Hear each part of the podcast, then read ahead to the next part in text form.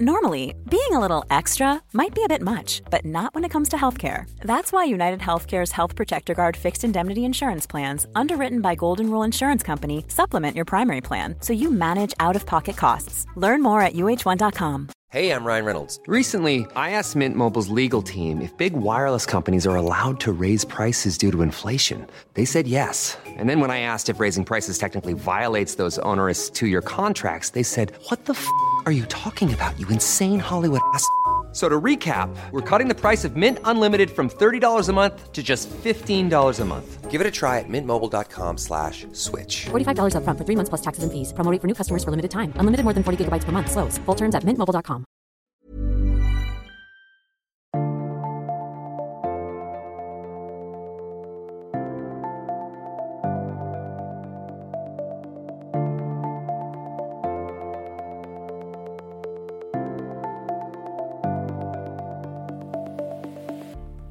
Hallo, du hører på ingefær shot med meg, Sara Lossius, og denne shoten her er litt annerledes enn vanlig ingefær shot. For i stedet for faste spørsmål til ukens gjest, har jeg snakket med Dola Ragnhild Thoresen over Zoom om fødsler. Jeg fikk inn mange spørsmål fra dere på Instagram, Sara Lossius er jeg der, og har bakt inn flere av dem i samtalen med Ragnhild. Ragnhild er altså doula, og nå først og fremst er hun en digital doula. Du finner henne på imaginebirthworks.no. Ragnhild var med på både Tiril og Katrine sin fødsel i hovedepisoden, og da jeg fødte Lisen var hun med meg i ånden og med et par tekstmeldinger underveis. Hun er rett og slett et av de varmeste menneskene jeg kjenner. Jeg håper denne shotten gjør deg godt, og hvis du har baby i magen og skal føde, litt ekstra trygg. God lytt.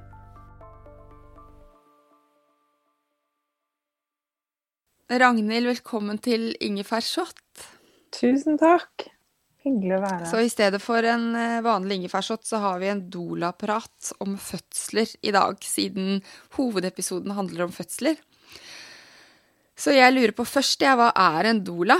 Ja um, Det er en profesjonell støtteperson som bidrar med fysisk, emosjonell praktisk og informativ støtte før, under og etter fødsel. Så som doula så kan jeg potensielt jobbe med folk over en ganske lang periode. Fra, fra liksom før til og med eh, svangerskapet, eller i starten av svangerskapet. Og ja, gjennom barseltiden, som jo kan vare en stund. Um, så jeg har ikke noen medisinsk rolle, men fokuserer på alle de andre aspektene av den livsfasen. Eh, mm. Hvor jeg kan bidra med rett og slett eh, støtte som gir trygghet og sånt. Jeg kan jo si at eh, da jeg var gravid nå med Lisen, så kom du hjem til meg et par ganger og ga meg gravidmassasje. Ja. Og det trengte jeg for å lande litt i kroppen, siden eh, mitt hode er eh, stappfullt. Ja, du er ikke alene om det. Nei. Det er jeg ikke. Så det, og det Jeg følte at det rota meg veldig. Mm. Men du er opptatt av, og det vet jeg, er at For i hovedepisoden så har jeg jo um, fire vaginale fødsler uten smertelindring. Men mm. uh, jeg Eh, min første fødsel med Ellie ser jeg tilbake på som superpositiv og fin. Mm. Og det ble med epiduraler. Jeg vet at en positiv fødsel, altså det å tenke tilbake på sin fødsel som positiv, handler ikke om utfallet av hvordan fødselen blir Nei. i så stor grad. Nei. Det gjør veldig ofte ikke det. Uh, og det gjelder også ofte for de som har veldig sånn sterke, klare ønsker om hvordan de egentlig vil føde. Um, det kan jo skje uforutsette ting, og mange opplever jo liksom bli tatt ned en annen vei enn det de eh, planla og ønsket for. da. Men hvis de på en måte har følt seg trygge og ivaretatt og sett og møtt som folk underveis, så, så, sitter de ofte igjen med en veldig positiv opplevelse eh, etterpå. Likevel, på tross av at ikke det ble sånn som man hadde håpet på, da. Mm. Ja, det gjelder jo for meg i fødsel nummer én og nummer tre. Jeg, jeg runda jo Ullevål på fødsel nummer tre, ja, føler jeg.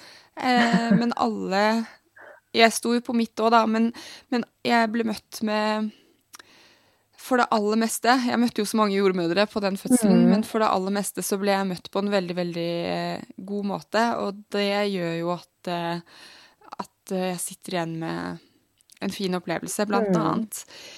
Men i det så var det jo også fordi jeg forberedte meg veldig godt på nummer tre, som jeg deler i min fødselshistorie, i forhold til kanskje mm. nummer to. Eh, hva tenker du er viktig når det gjelder å forberede seg til fødsel, når man tross alt ikke vet eh, hvordan fødselen blir, som regel? Ja. Nei, det er jo et sånt paradoks at uh, det er umulig å forberede seg på alt, og det er umulig å forutse hvordan ting blir, men allikevel så kan forberedelse komme veldig, veldig, veldig godt med. Og være en nyttig bevisstgjøringsprosess da, i forkant av fødselen. Um, jeg jobber jo mye med fødselsforberedelse, men kun én-til-én foreløpig. Jeg, liksom, jeg, føler ikke at jeg har runda det enda. Jeg har ikke begynt å lage sånn gruppekurs, bare fordi det er så innmari individuelt da, hva folk eh, trenger og ønsker eh, som forberedelse. Og eh, det som på en måte er viktig å holde, eh, holde som et sånt eh, en slags ledestjerne da, i din individuelle, individuelle forberedelse, er at det er tryggheten din som aller mest kan påvirke Eh, fødselen og fødselsopplevelsen. Så da blir jo spørsmålet hva er det som gjør deg trygg? Er det liksom å lese alle bøkene, eller er det å gå inn i kroppen og um, jobbe med pust og bevegelse? Er det å eh, snakke med kvinner som har gjort dette før, eller um, det er så mange ulike tilnærminger til dette her, da. Og det er jo på en måte Ja, man, man kjenner jo selv når man får høy puls.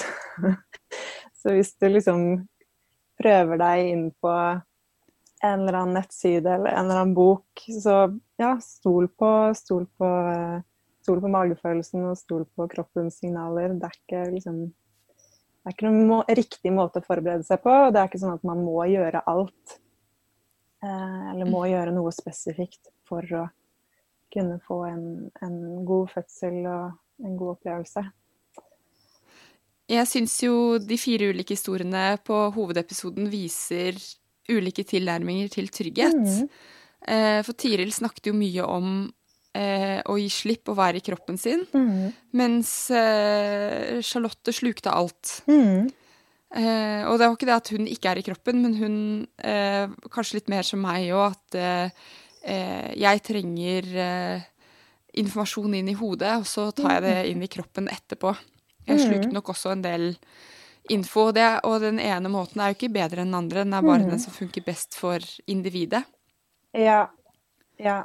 Og det er jo på en måte Jeg ser jo på en fødsel som et ganske stort at den holder et ganske stort potensial. Eh, og vi får ganske få sjanser.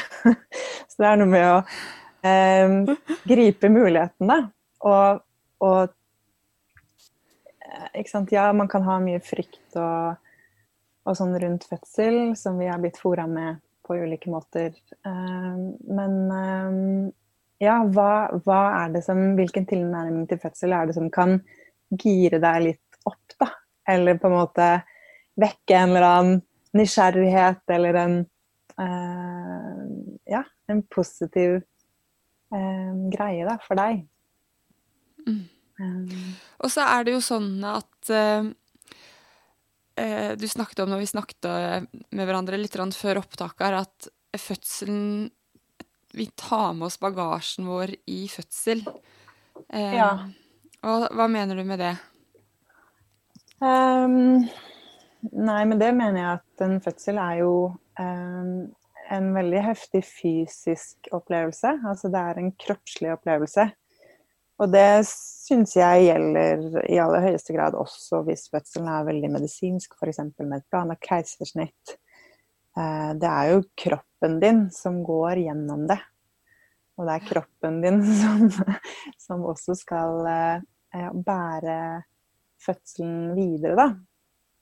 Um, og så er det jo heller ikke bare en fysisk ting, men det involverer, altså fødselen involverer eh, oss som hele mennesker. Ikke sant? Man har jo med seg følelsene sine og eh, historien sin og hodet sitt og hele seg. Um, så um, man, man, blir jo ikke Det er jo ikke en isolert eh, opplevelse. Du føder ikke i et vakuum. Du går ikke inn i føderommet og blir en annen person enn du var dagen før.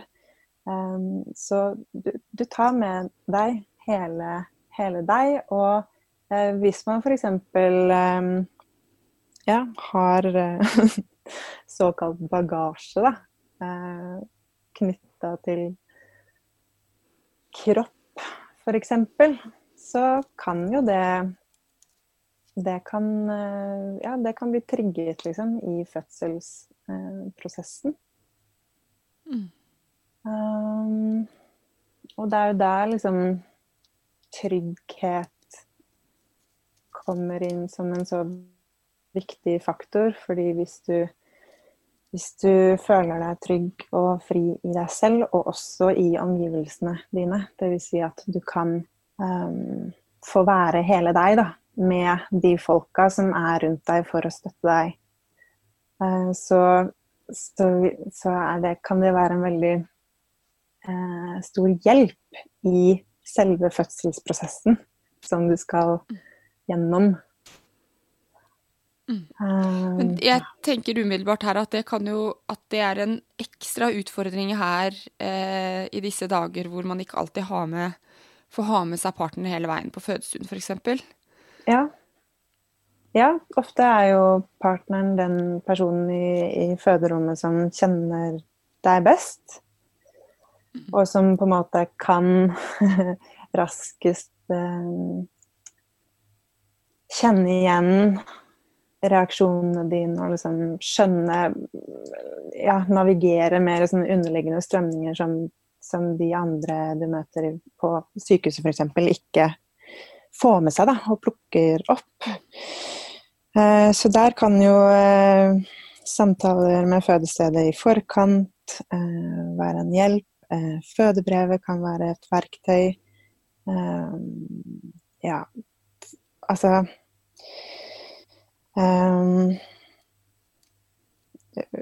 Og det er jo mange som er bekymra nå for å ikke få ha med seg de som Den personen som de vil ha med seg. Men eh, mm.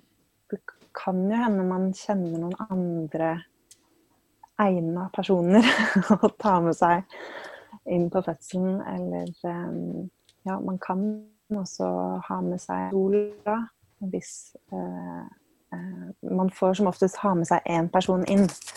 Så hvis man ikke har med seg en partner, så er jo på en måte ja, hvem andre eh, er tilgjengelig, da. Um, så har man med seg en person, eh, snakke i forkant eh, rundt liksom, hva man ønsker, hva man kanskje er redd for, hvordan man reagerer når man får vondt eller eh, når man blir utrygg. Hvordan, hva som kan hjelpe deg til å på en måte komme tilbake til deg selv, eller back on track, eller ja, alle disse tingene her, da. Eh, men det er jo også en sånn derre øyeblikksting at sant, ja, du kan tilrettelegge og, og, forberede deg på forhånd, og så når eh, når eh, the real thing begynner, så handler det om å liksom respondere best mulig på akkurat det som skjer. Da. Og det, det kan jo bety å bare liksom buse ut med akkurat hvordan du har det i det eh, føderommet du er, til de ukjente folka som du ikke kjenner i det hele tatt. Bare liksom ja, strekke hånden ut, da. Fortelle uh, ja, fortelle hva man ønsker og hva man trenger og hvordan man har det, rett og slett. Fordi um, ja, du er jo den viktigste ressursen i fødselen din. Det er liksom uh, Ja, rett og slett. Mm. Cool fact a crocodile can't stick out its tongue. Also, you can get health insurance for a month or just under a year in some states. United Healthcare short term insurance plans, underwritten by Golden Rule Insurance Company, offer flexible, budget friendly coverage for you. Learn more at uh1.com. Hey, I'm Ryan Reynolds. At Mint Mobile, we like to do the opposite of what Big Wireless does. They charge you a lot we charge you a little. So naturally, when they announced they'd be raising their prices due to inflation, we decided to deflate our prices due to not hating you. That's right. We're cutting the price of Mint Unlimited from $30 a month to just $15 a month. Give it a try at mintmobile.com slash switch. $45 upfront for three months plus taxes and fees. Promo for new customers for limited time. Unlimited more than 40 gigabytes per month. Slows. Full terms at mintmobile.com. Men du nevnte fødebrevet. Jeg opplevde når jeg mm. skrev fødebrevet nå med Lisen, mm. så det gjorde veldig mange ting for meg. For det første så eh, oppsummerte jeg litt de andre to fødslene. Eh, og tenkte på mm. hva jeg ikke likte og ikke og likte. Men så gjorde det også meg klar for eventuelle utfall. For i det fødebrevet mitt, så selv om jeg hadde plass på ABC, så vet man jo mm. aldri. Så jeg skrev 'hvis keisersnitt', mm. eh, 'hvis ditt, hvis datt'. Sånn at jeg Og med at jeg allerede hadde tenkt på keisersnittutfallet, så følte jeg at hvis det skjedde, og det var jo på vei mm. til å skje, for jeg ba jo om det på slutten, eh, mm. så, så ville ikke det Jeg følte ikke at det på en måte var noe Det var ikke noe nederlag, fordi jeg var også forberedt på det. Mm.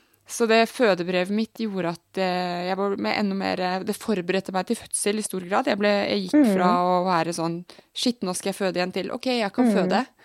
Mm. Eh, men også at jeg fikk tenkt igjennom For eksempel, så Jeg vet jo for eksempel det med å, å massere brystvorter skal hjelpe, ikke sant? Jeg mm. fikser ikke at andre masserer brystvortene mine. Jeg syns det er helt Og det greide jeg ikke si fra under fødsel nummer to. Det er en så typisk ting å skrive i fødebrevet. Ja, for altså, i fødsel nummer to så, så var det, ble de massert, og jeg bare mm. Å, herregud, jeg greide ikke Jeg var ikke i en posisjon engang til å si bare 'ikke gjør det'. Ja, Men det sto, liksom, det sto omtrent med store bokstaver 'ikke ja. ta på puppene mine'. Ja. og det var så deilig at jeg Og det var det ingen som gjorde. Og det er så deilig så også for de som ikke kjenner deg, som er rundt deg og skal støtte deg. Fordi sant, fødebrevet er eh, minst like nyttig for dem som for deg. Fordi det blir en hjelp for dem i hvordan de kan gi deg den omsorgen og støtten som du trenger. Mm. Eh, de er jo dritgode. Altså jordmødre er jo eksperter på å eh, deschiffrere folk på eh, null tid. Men det er jo mm. begrensa likevel liksom, hva de eh, kan få med seg, og hvor, hvordan de kan lese tankene dine. Og, og, så er det jo det at i, i selve fødselssituasjonen så er man så ofte i en sånn merkelig annen state da, enn sitt vanlige jeg. Så det er ikke sikkert at du klarer å formulere deg eller stå opp for deg selv eller forklare ting sånn som du er vant til å eh, gjøre ellers, da. Eh, så det, det å ha liksom et A4-ark med dine viktigste do's and don'ts, eh, ikke sant, det er veldig nyttig og bevisstgjørende for den som skriver brevet. Fordi man blir mm. klar over at man har kanskje alternativer og valg som man ikke visste at man hadde. Man liksom ja, får gått litt i prosess da, med hva man egentlig liksom ser for seg og egentlig ønsker seg. Um, og så er det bare genialt for de som er uh, rundt deg, da. Så kan de treffe, mm. treffe deg bedre med det de gjør mm. på jobb. Så, men et triks er jo å ikke skrive det for langt, da, selvfølgelig. Så liksom rundt en A4-side er, er, en bra eh, et bra sted å legge lista. Eh, og også gjerne sette det opp i sånn kronologisk eh, rekkefølge. Sånn at hvis eh, en jordmor kommer inn i slutten av åpningsfasen, så trenger hun ikke lese liksom hva som er viktig for deg med en gang du kommer inn på sykehuset. Så man kan jo mm. Ikke sant, dele det i tre deler, f.eks. åpningsfasen og utrydningsfasen og etter fødselen. Og så f.eks. med en liten del sånn I tilfelle keisersnitt, så eh, ja, er det f.eks. viktig for meg med hud til hud så fort som mulig, eller om man kan vente med å eh, klippe navlestrengen så lenge som mulig. Sånne ting. Um, mens disse generelle tingene som, som, um, som liksom gjelder gjennom det hele, kan du gjerne skrive litt sånn i uthevet uh, skrift på topp, da. Mm. Um, Lurt. Ja. Um, Når er det Altså, jeg leverte jo i på ABCC, jeg leverte jo det her tidlig, men det er jo ikke alle som har. Så du anbefaler kanskje å skrive det ut i et par eksemplarer og ha det med når man skal føde, da? Ja, hvis ikke du eh, har rukket å, å, levere det inn på fødestedet, eller sende det inn, så bare ha mm. med et, et par ekstra eksemplarer, ja. Og så er det jo eh, Ja, det er jo noen også som har um, såpass heftig bagasje at jeg anbefaler dem å ta kontakt med, med fødestedet for en uh, forberedende samtale. Uh, gjerne med noen som sitter litt sånn på toppen av avdelingen, om det liksom er en fødselslege eller en, en, uh, en sjefsjordmor. noen som på en måte kan skrive det som dere snakker om eh, og blir enige om på den samtalen, inn i journalen. Fordi da, da eh, da forholder alle, alle, du, alle vaktskiftene, alle de 18 vaktskiftene du, du, møter på sykehuset, forholder seg da til det som står eh, skrevet i journalen. Så det kan også være veldig nyttig hvis man har muligheten til det. Ja, og det er det jo jeg leste vel at 10% av, eh, omtrent 10 av norske kvinner har opplevd en eller annen form for overgrep, f.eks. Ja. ja. Så det kan jo være der. Absolutt. Eller tøffe fødsler tidligere. Uh, ja. ja. Tøffe fødsler tidligere, altså Ja. Ikke sant. Alle Hva som helst av kjipe ting som kropper kan være med på og utsatt for. Det er bare um, Ikke sant. Det er jo rett og slett uh, Ja, å ta høyde for at folk har uh, levd liv, og at uh, veldig ofte, egentlig, så kunne man over hele fjøla bare gitt traumesensitiv fødselsomsorg til alle. Eh, ikke sant? Fordi man vet man vet ikke hva folk har vært eh, med på, da. Og gjennom. Mm. Eh, og fødekroppen er sårbar. Og noe av det som eh, driver Altså det som driver fødselsprosessen fremover, er jo oksytocinhormonet, som er så tett forbundet med trygghet og um, Uh, og som på en måte motvirkes av stresshormoner, da. Så uh, mm. det å liksom ivareta og booste oksytocinet er jo i mine øyne fødselsomsorgens viktigste oppgave, på en måte. Mm. Jeg tror vi avslutter med det. Hvis jeg skal oppsummere egentlig det her i ett ord, så, så kjenner jeg på ordet trygghet. Kan mm. det stemme? Ja, ja. Trygghet er aldri feil i fødsel. Takk, Ragnhild. Takk skal du ha. Lykke til, alle der ute.